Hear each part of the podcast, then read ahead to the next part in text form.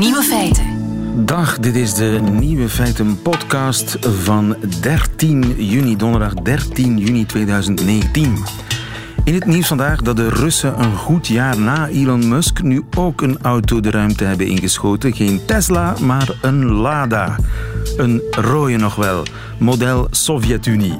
Een schaalmodel uiteraard met aan het stuur Dimitri Rogozin, de wat conventionele 55-jarige baas van het Russisch ruimtevaartagentschap.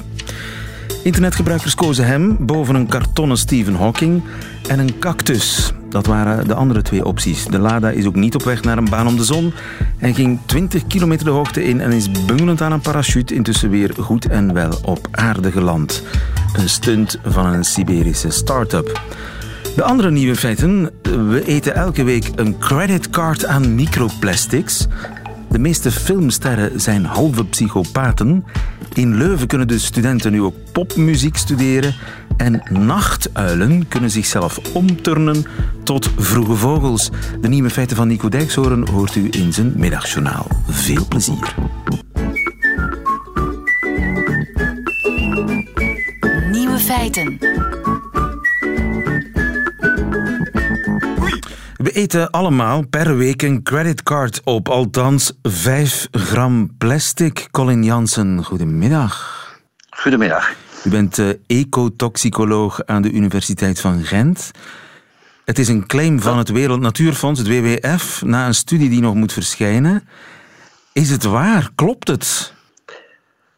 Wel, wat ik van deze studie heb kunnen zien, en dat zijn hun uh, pressreleases. Uh, de studie is niet beschikbaar. Dus dat is het eerste probleem. De studie is nog niet in de open literatuur, is nog niet peer-reviewed. Dus vandaar dat het moeilijk in te schatten is als het waar is of niet. Maar wat ik heb kunnen zien, is dat wat ze beweren, dat het een goede studie is naar aantallen toe, aantallen van die microplastics. Maar ik heb bedenkingen bij de conversie van hun aantallen naar het gewicht, ja. naar die 5 gram. Ik denk dat die zij veronderstellen eigenlijk... van alles, zij extrapoleren van alles. Ja. Ja. Maar het zou u niet verbazen. Ik bedoel, ligt het in de lijn ongeveer van gelijkaardige studies? Wel, de aantallen die, die zij citeren, dus de aantal microplastics, en eigenlijk is dat hetgene die we moeten weten hoor, van toxicologisch oogpunt. Dat gewicht is minder belangrijk, het aantallen is, is, is veel belangrijker, omdat dat net de toxicologische interactie zal geven. Je moet het een beetje voorstellen van als je nu in één keer die creditcard opeet, ja, Mhm. of je eet dat op aan de hand van 100.000 kleine deeltjes. Dat maakt een heel groot verschil. Ja, tuurlijk. Toxicologisch wel. Het oppervlakte is veel groter. Hè?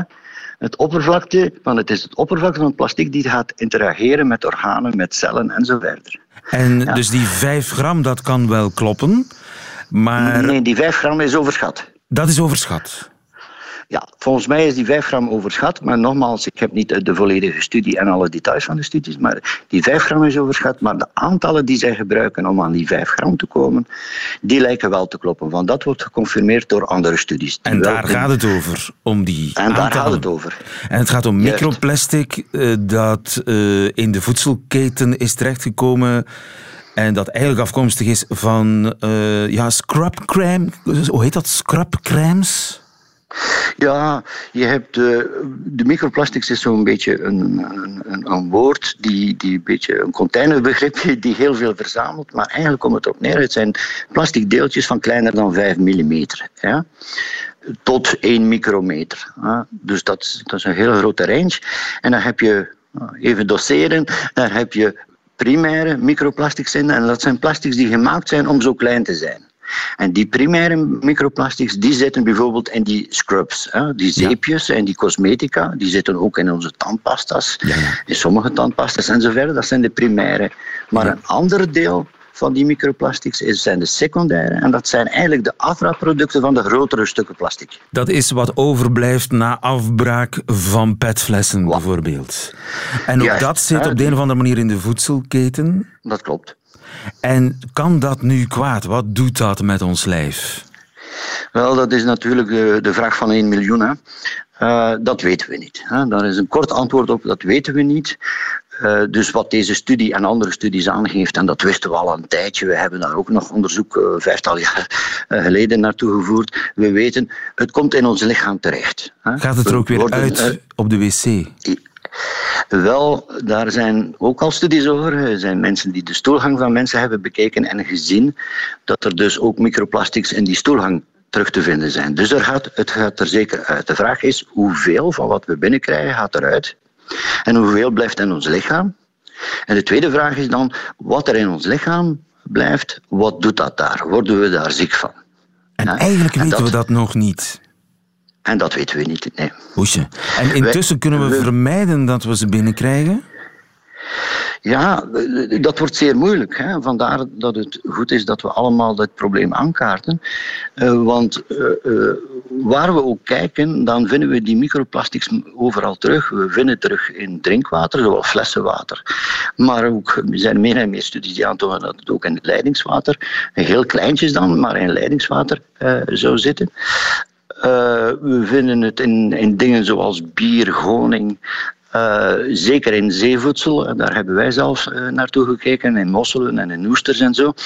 Dus hoe meer we kijken, hoe meer we microplastics terugvinden in onze voedselketen, in de menselijke voedselketen dan. Ja, dus we hebben nog heel veel werk om dat ding uit de voedselketen te halen, maar ook om te bekijken of het kwaad kan.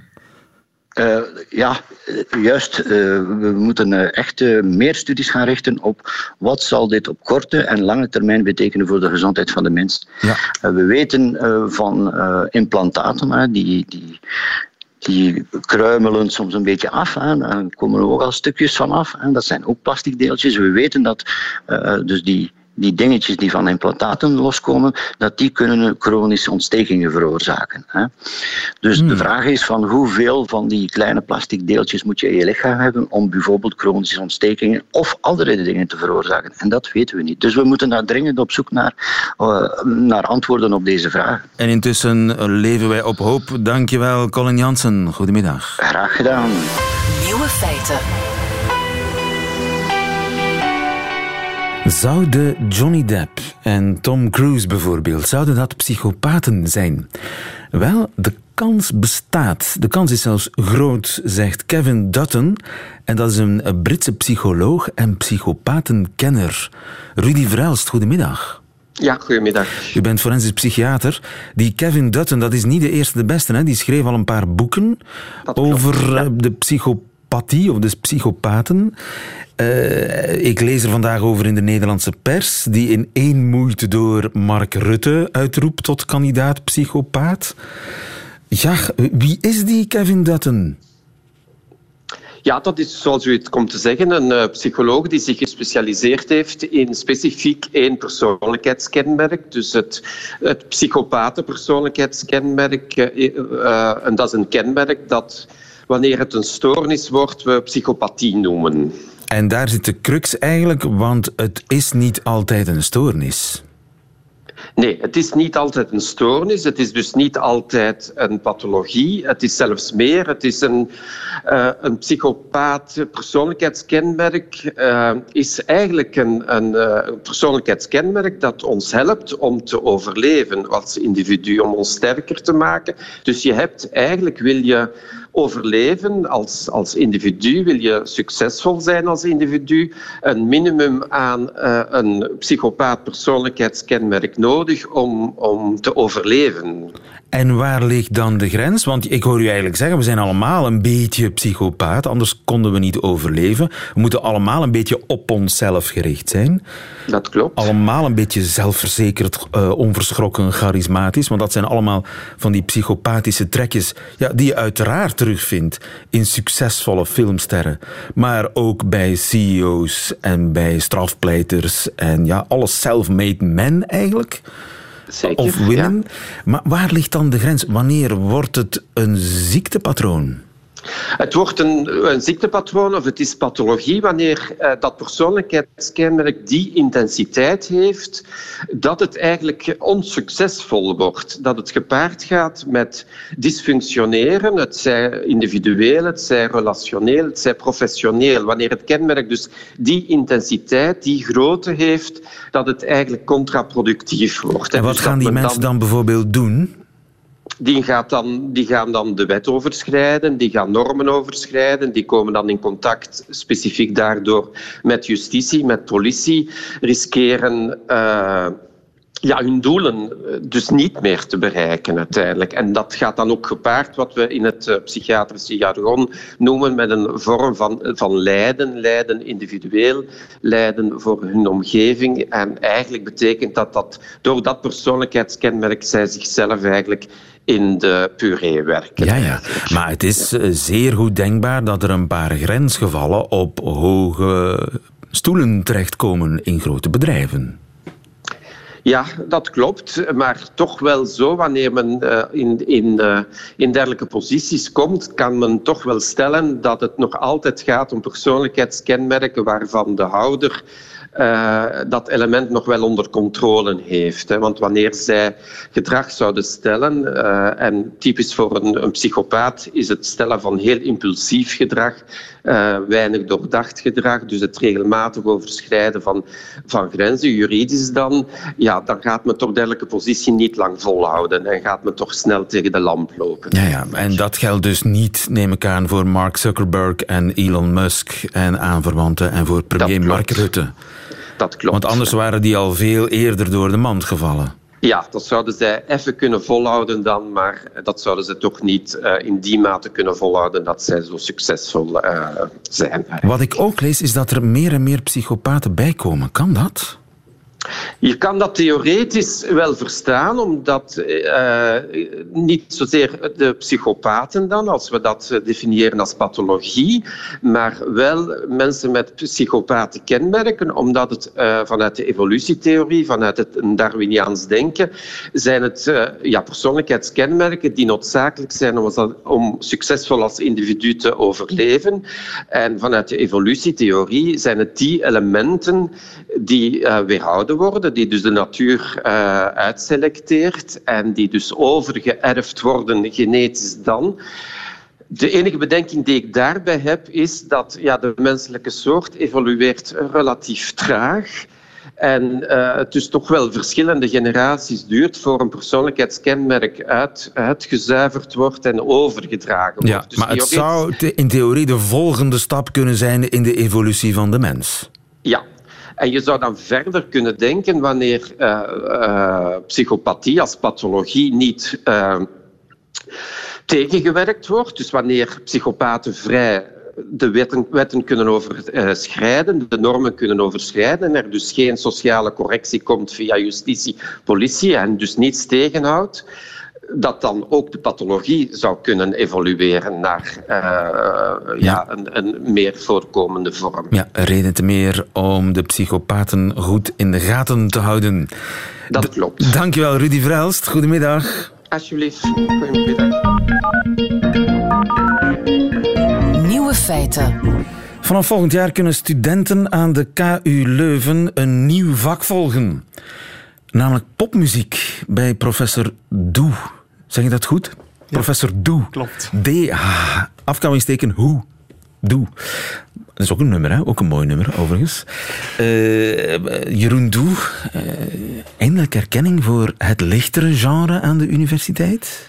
Ja, dat kan je wel zeggen. Het is uh, in die zin een inhaalbeweging dat uh, popmuziek wordt nu als gelijkwaardig beschouwd met klassieke muziek, tenminste als uh, onderzoeksonderwerp op academisch niveau. Dat en dat is, is nieuw?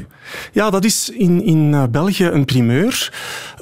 we moeten daaraan toevoegen dat die traditie al een paar decennia bestaat in de Angelsaksische cultuur, waar je academische publicaties kan lezen over popalbums of popartiesten. Maar bij ons hield de muzikologie tot nog toe alleen maar bezig met Bach en Beethoven, bij wijze van spreken. En niet met de Beatles. Dat was ja, klopt. populaire muziek, niet interessant wetenschappelijk. Maar die bocht is nu gemaakt. Hoewel er toch een groot verschil is tussen ja, zeg maar Hendel en Heintje. Ja, dat klopt natuurlijk. En je kan in zowel de klassieke muziek als in de popmuziek uh, een aantal heel eenvoudige muziekstukken gaan opzoeken, maar ook heel gesofisticeerde. Dus uh, het punt dat ik wil maken is dat popmuziek zo razend interessant kan zijn, puur intrinsiek vanuit de kwaliteit van de muziek. Dus, en dat vooroordeel heeft men al lang overboord gegooid. Ja, maar je zou toch kunnen zeggen, ja, uh, Bach dat is kunst en de Beatles dat is entertainment. Ja, dat komt uit die entertainmentcultuur, maar die, die popmuziek is eh, geleidelijk aan zo uh, meer en meer, zal ik zeggen, artistiek geworden.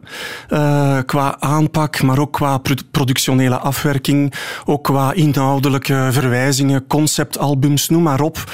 Zeker bij meer recente artiesten zoals Björk, of ook al minder recent, vanaf de Beatles, David Bowie, noem maar op, krijg je die artistieke dimensie ook, die wordt toegevoegd aan popmuziek.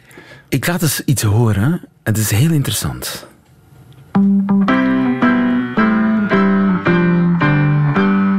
En sluit aan bij wat u zegt. Herkent u dit? Jazeker.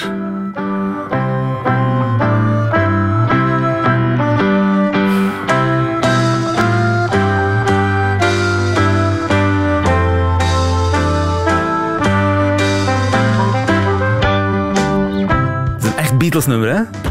Zo lijkt het toch? Ja, ik ken die uh, montage. Dat is heel interessant. En daarin wordt aangegeven eigenlijk dat als een universele factor in heel veel stijlen en genres van de muziek, dat er gelijkaardige akkoordprogressies, dus opeenvolgingen van akkoorden, harmonieën gebruikt worden. Ja, ja. want uh, het verschil is eigenlijk gewoon de instrumenten Inderdaad, ja. Het arrangement is anders. Ja, klopt. Dit is Beethoven Ode aan die Freude, de, de, de hymne van de Europese Unie, gespeeld à la façon du Beatles. Ja. En het is zeer geloofwaardig. Dus het verschil tussen die hoge en die lage kunst, bij wijze van spreken, dat is soms heel klein. Er is een, een, een hele grote grenszone. Ja, dat klopt echt. En daarom ben ik eh, blij dat dit voorbeeld klinkt. En in die cursus kan ook vaak verwezen worden vanuit, natuurlijk, uh, popmuziek als hoofdfocus. Kan er ook bijvoorbeeld vanuit de blues verwezen worden naar een lamento, dat is een klassiek genre. En zo zijn er tal van raakvlakken tussen uh, ja, popmuziek, wat iedereen kent vandaag de dag, ja. soorten toonladders, uh, soorten akkoordische... muziek is muziek, een ja. goed lied is een goed lied. Klopt, helemaal. Maar het is wel zo, en nu wil ik niet doorzeuren, maar ik heb nog nooit tranen gekregen van popmuziek. Wel van de Maria Vespers. Wel van de Matthäus Passie. Dus er is toch nog altijd een verschil, nee? Of ligt dat aan mij? Ja, het zou kunnen. uh, ik heb wel al tranen gekregen van popmuziek. Dat is, dat is te zien, de omstandigheden, de, de diepgang waarmee iets vertolkt wordt, de juiste omstandigheden waarin je het ook beluistert, denk ik. Uh, ja, het heeft ook een enorme poëtische kracht. Dat staat echt uh, buiten kijf. Wat is nu voor u een voorbeeld van een perfecte popsong? Wel, ja, een popsong waarin zoveel samenkomt en dat uh, op een heel eenvoudige, maar tegelijkertijd gesofisticeerde manier alles verbindt, is Englishman in New York van Sting bijvoorbeeld. Okay. En dat begint zo. Mooie intro, heel ja. klassiek eigenlijk. Hè? Ja, prachtig. En dat Wat? hoort bij een popnummer. Er moet, er moet een echte goeie... Ja, er, er, is hier een intro en kenmerkend aan die intro is dat je een herhaling krijgt van een patroon van enkele akkoorden. In dit geval drie akkoorden die per twee maten telkens terugkeren. En dat proces zet zich voort in de strofe. Luisteraars merken dat niet, maar als je dat aanreikt aan studenten, ja, dan gaan hun ogen en hun oren open. En Sting zingt een totaal andere melodie boven die akkoorden en dat is precies de strofe. En dat is het, het complexe en tegelijkertijd het vaktechnisch interessante aan dit nummer. Ja, Sting is een echte, een echte songsmith. En nu het refrein. Inderdaad. Bouwt verder op die akkoorden. Ja, het refrein, als je dat analyseert, bevat exact dezelfde akkoorden, maar de melodie die Sting zingt en de backing vocals die je ook hoort, maken het tot een voller stukje muziek en functioneert als refrein, maar is eigenlijk gebouwd op diezelfde onderbouw. En dan de verrassing, hè? Inderdaad, dit is de bridge en is op totaal ander materiaal gebouwd. En is daardoor ook echt contrasterend wat een bridge moet zijn in een song. Ja, helemaal, dus volgens het, gekozen. helemaal ja. volgens het kookboekje, ja. volgens het receptboekje. Eh, maar de verrassing van het nummer is natuurlijk die solo. Hè? Ja, inderdaad. Die volgt dan nu. En die voilà. een jazzkwartet neemt over, volledig jazzy. Maar onderin zitten weer die drie akkoorden uit de intro, de strofe en het refrein. Heel knap gedaan. Ja, schitterend. En pas op, het blijft niet bij één solo, hè? Er komt nog een soort van drumsolo achteraan, geloof ik, meen ik mij te herinneren. Ja, dit nummer zit in het collectieve geheugen, dus voilà, hier is hij. Ja. Boom, pataat. Ja, inderdaad. Een soort break gedurfd, die hè? terugkeert ja, naar de. Anders zou het wel een beetje heel saai comme il faut zijn, hè? Ja, Ik bedoel niet de groep, maar eh comme il faut, zoals het hoort, volgens eh, het boekje. Worden er vandaag nog van dat soort nummers gemaakt, professor? Eh, ik denk het wel. Eh, het is natuurlijk altijd eh, proberen een onderscheid te zien tussen het gros van, van de muziek dat verschijnt dagdagelijks. Daar kan je moeilijk beginnen in selecteren. Maar als je zo terugblikt op de meest recente twee, drie jaar, dan zie je toch bijvoorbeeld artiesten als James Blake of Rhiannon Giddens. Of, die, die maken echt een statement met hun popmuziek. Dat is heel goed gemaakt. Dat zijn prachtige popsongs die heel veel herkenning genieten van een breed publiek. Maar je merkt dat er een hogere artistieke drijfveer eh, in dat werk eh, duidelijk wordt. En dus ik denk wel dat, dat die artiesten, en nog vele anderen naast hen, maar ik wou maar twee voorbeelden geven, dat die zullen meegaan, net zoals destijds een Bowie eh, is meegegaan. Zie je? Dus ik denk het wel hoor. Ja, en wat vind je bijvoorbeeld van de, de winnaar van een Eurosong? Ja, als Je moet er lang over zijn- nadenken. Nee. Wees eerlijk, Ja, alstublieft. gewoon eerlijk. Dat is een type liedje dat eh, zeker binnen die eh, mainstream popcontext succes gaat genieten. Maar we gaan het ook snel vergeten zijn, want het is niet slecht gemaakt, maar te weinig origineel naar mijn gevoel. Te weinig origineel. Ja, dus de perfecte popsong vroeg je mij daarnet. Englishman in New York is zo eenvoudig, maar zo uniek tegelijkertijd. Dus toegankelijk en eh, iets wat je je nadien nog jaren later kan herinneren. Dat ga je met dit Eurosongnummer wellicht niet meer hebben, vermoed ik. Dat is ook heel erg van vandaag. Herkent u dit? Ik moet het... Ja. Ik, ik, ik niet, voor alle duidelijkheid. Eh, Ed Sheeran. Ed Sheeran, Ja, inderdaad. Justin Bieber. Ja. Ja, natuurlijk. Dat is heel catchy gemaakt. En, eh, Maar het is vooral geluidjes, geluidjes, ritme, ritme. Weinig melodie, weinig song, zou ik denken. Ja, dat klopt ook. Maar er is een grote referentie aan die hip-hopcultuur natuurlijk, die heel erg gevestigd is en die eh, uit die zwarte muziekcultuur komt. En ik denk dat ze daar heel sterk aan, aan refereren. En ja, dat de kracht van die muziek niet meteen in het melodische moet liggen, maar als je die muziek analyseert, moet je de nadruk op iets anders leggen. De groove, de productie, de teksten eventueel. Groove. Maar wat, wat, is een, wat is de wetenschappelijke definitie van een groove? Ja, een groove is eigenlijk iets wat tegenwoordig met de computer veelal gemaakt wordt, namelijk een terugkerend patroon van één of twee of vier maten, dat men symmetrisch kan eh, groeperen en schikken met de computer en dat eigenlijk een soort van basisgeluid vormt, een ritmische puls onder de muziek, onder de popsong, waarop kan gerapt worden, waarop, kan, eh, waarop andere instrumenten kunnen ingespeeld worden en eh, dergelijke meer. Nog eentje. Wat vinden we hiervan? Horses in the bag, horse stock is attached. Head is matted black, got the bushes black to match. Ik word hier treurig van. Ja, Maar, dat ligt, maar ik ben hier te oud voor waarschijnlijk. Ja, ik maar ik, ik, ik, ik vind dit zo generic. Ik, ik, ik loop meteen in een, in een winkel waar ze sneakers verkopen. ja klopt. Ja. En, en het heeft ook iets slepends. 1200 soorten sneakers verkopen ze Ja. En het stinkt er. Nee? Maar ik zou ook durven het punt maken van...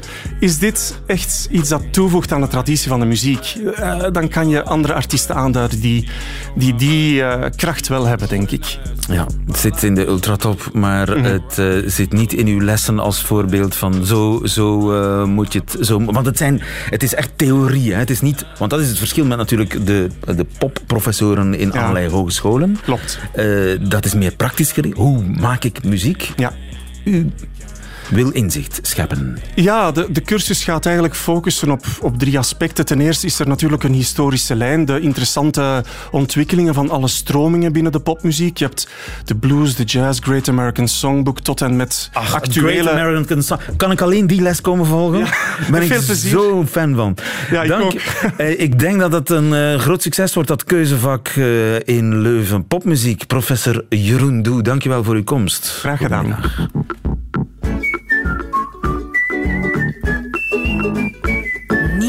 Feiten. Heeft u er altijd van gedroomd om een ochtendmens te zijn? Om zeven uur vrolijk kakelend het bed uit, monter aan het ontbijt, fluitend naar het werk. Wel, Het kan. Nachtraven kunnen zichzelf met succes ombouwen tot vroege vogels, blijkt uit onderzoek. Dag Johan Verbraken. Goedemiddag. Van het slaapcentrum van het UZ in Antwerpen. Nachtraaf zijn, dat uh, valt niet mee. Hè? Je biologische klok loopt drie uur achter op je sociale klok. Ja, is inderdaad voor sommigen een uh, probleem. Zeker als zij s morgens vroeg op het werk moeten zijn, maar toch liever tot uh, tien uur in, in bed blijven liggen. Ja, dat wringt natuurlijk. Ja. En dat maakt ook dat die mensen eigenlijk toch als een zombie op het werk verschijnen. Ja, zeven uur s ochtends voelt als midden in de nacht. Maar dan s'avonds ben je de held. Als iedereen wil gaan slapen, dan wil jij nog op café of Netflixen. En nu is er een experiment gedaan met die nachtraven die zichzelf moesten herprogrammeren. Is dat gelukt? Ja, inderdaad. Dus er zijn aan die groep studiepatiënten strikte regels opgelegd waarbij dat zij verplicht vroeger naar bed moesten, ook vroeger moesten opstaan. Maar daarbij tegelijkertijd werd ook gezegd, u mag niet te laat eten, geen koffie gebruiken later op de dag, um, geen te veel lichtblootstelling, niet te laat buiten uh, komen. Dat soort zaken, dus allerlei uh, slaaphygiënische maatregelen. Geen dutjes doen uh, na Ook geen vier dutjes uur, doen, zodanig dat er voldoende slaapbehoefte aanwezig blijft en, en slaapschuld eigenlijk wordt opgebouwd. Op hetzelfde tijdstip lunchen elke dag? Niet... Regelmaat, ja, ook regelmaat. altijd in het weekend ook op hetzelfde tijdstip opstaan dan op Een soort weekdagen. kloosterritme eigenlijk. Dus echt heel sober leven Ja. op een heel strak schema. En hoe lang moesten ze dat volhouden? Wel, um, dat uh, is iets dat ze een, uh, een aantal weken tot een maand moesten volhouden. Ook in het weekend? En, ja, ongeacht het tijdstip van, van de week moest dat worden aangehouden. En dan bleek eigenlijk dat de grote meerderheid van die, die populatie um, haar ritme heeft kunnen resetten. Ja, Ze noemen dat her, Dus eh, verstokte eh, nachtraven werden plotseling ochtendmensen. Weer inderdaad ochtendmensen.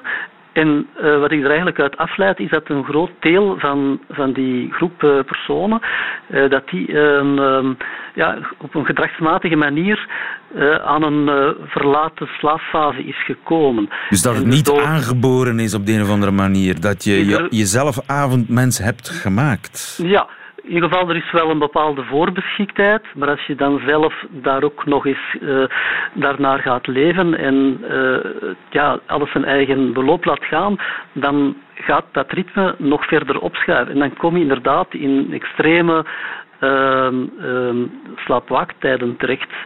En dan ben je natuurlijk een echte nachtuil. Maar Ja. in principe is het wel zo dat we niet als een nachtuil worden geboren. Als kind ja, slapen we veel. Uh, maar met de puberteit zien we wel dat er een evolutie is naar later gaan slapen.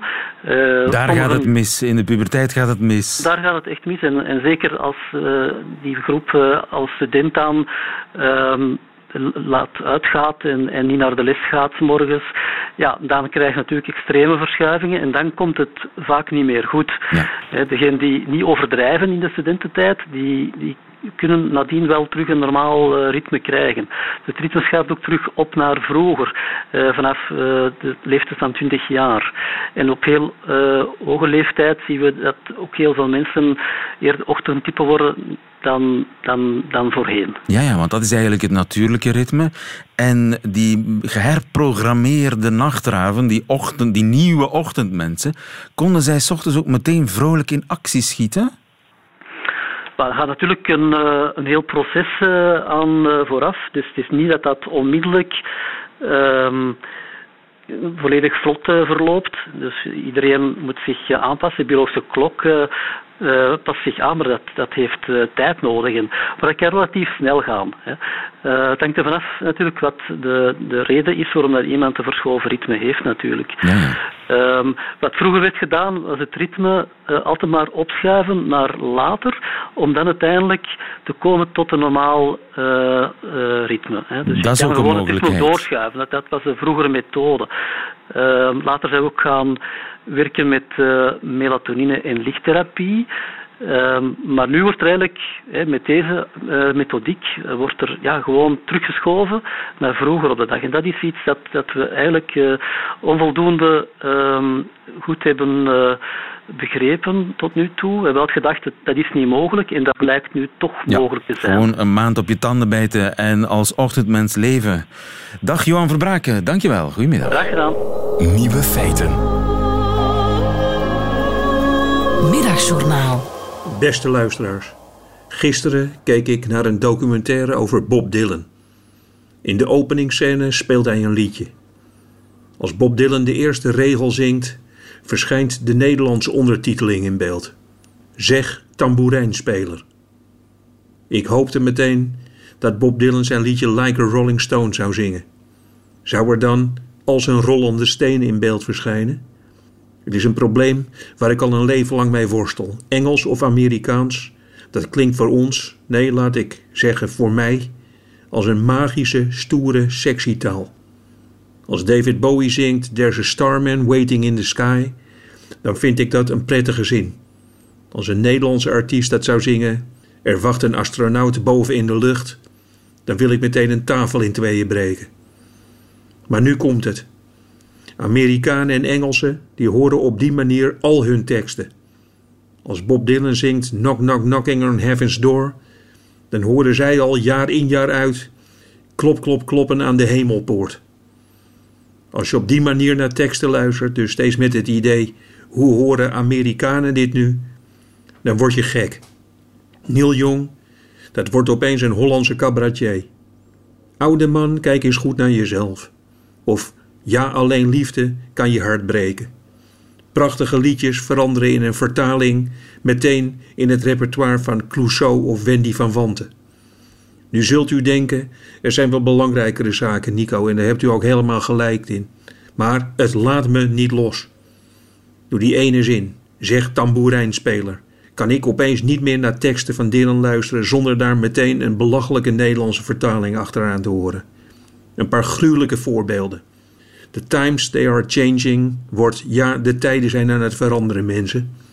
This is the story of hurricane wordt dit is het verhaal van wervelstorm. One more cup of coffee before I go wordt nog één kopje koffie voor ik ga. Er is gelukkig één liedje van Bob Dylan dat in het Nederlands overeind blijft. Zeker de eerste zin. Het is Isis van de plaat Desire. Het is een prachtige eerste zin. Ik trouwde Isis op de vijfde dag in mei. Luisteraars, daar zit alles in. Zijn ze nog getrouwd? En waarom weet hij die dag zo goed? En wie is Isis? Hoe zag ze eruit? Wie noemt zijn dochter naar een Egyptische vrouw? Ondertiteling of niet? Het blijft een magisch liedje. Ik luister het bijna iedere week wel één keer.